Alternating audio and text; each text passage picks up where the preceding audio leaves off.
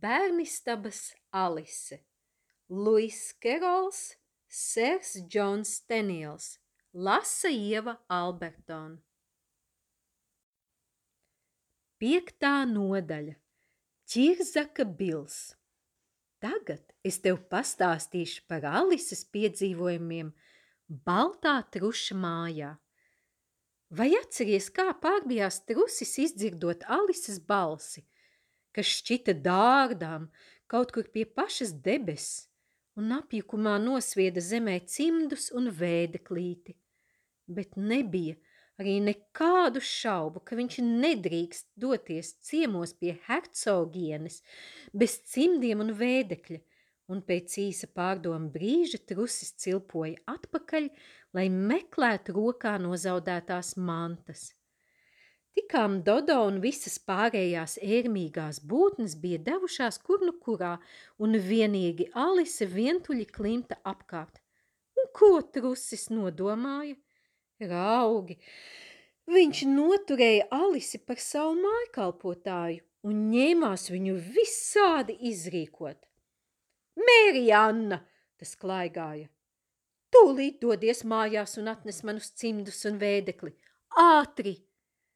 Iespējams, rošsārtās acis liedza trusim visu labi saskatīt.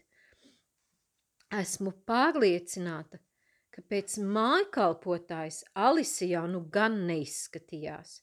Vai tad ne tā? Taču Alise bija maza meitenīte ar ļoti lādzīgu sirdi.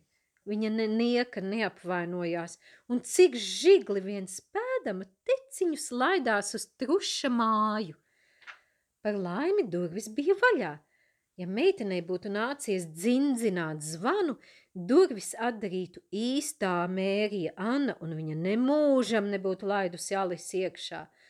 Un vēl lielāka laime bija tā, ka viņa nesastapa īsto mēriju Annu, kamēr tipināja augšu pa kāpnēm – Mani māns bažas, ka mājkalpotāja mazo meitenīti būtu noturējusi par garnadzi.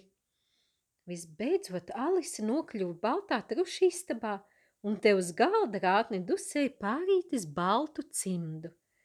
Meitene tos jau grasījās paņemt, un mērot atpakaļ ceļu, kad nejauši turpat līdzās pamanīja mazu pudelīti.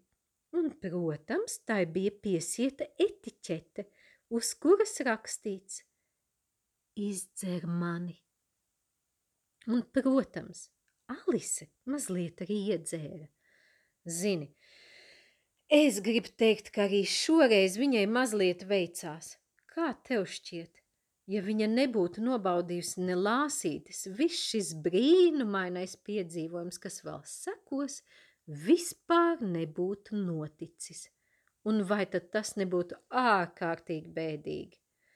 Vārdu sakot, tu jau gaidi Alises nākamos piedzīvojumus, un es uzdrošinos apgalvot, ka pat nenojaut, kas notiks tālāk. Ja nenojaut, tad tūlīt izstāstīšu.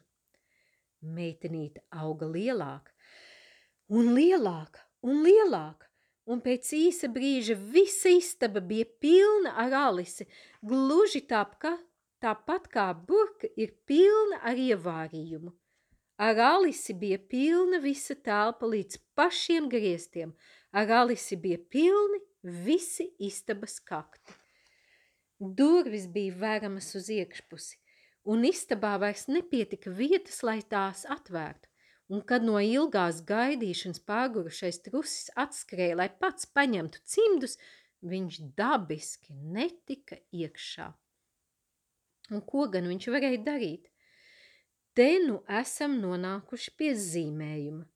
Trusis uzrunāja ķirzaku bilu un sūtīja augšā uz mājas jumta, lai tas lūkot tikt lejā pa skursteni. Bet sagadījās tā, ka viena Alises pēda pilnībā nosprostoja kamīna muti. Čirzakai bilam skrapstinoties leju pa dūmeni, viņa to lieliski dzirdēja un īstajā brīdī deva mazītiņu smalku spērienu. Prom bils bija un uzlidoja stāvus debesīs. Nabaga mazais bils Vai tev ļoti viņa žēl? Droši vien ķirzacēns pagalam pārbijās.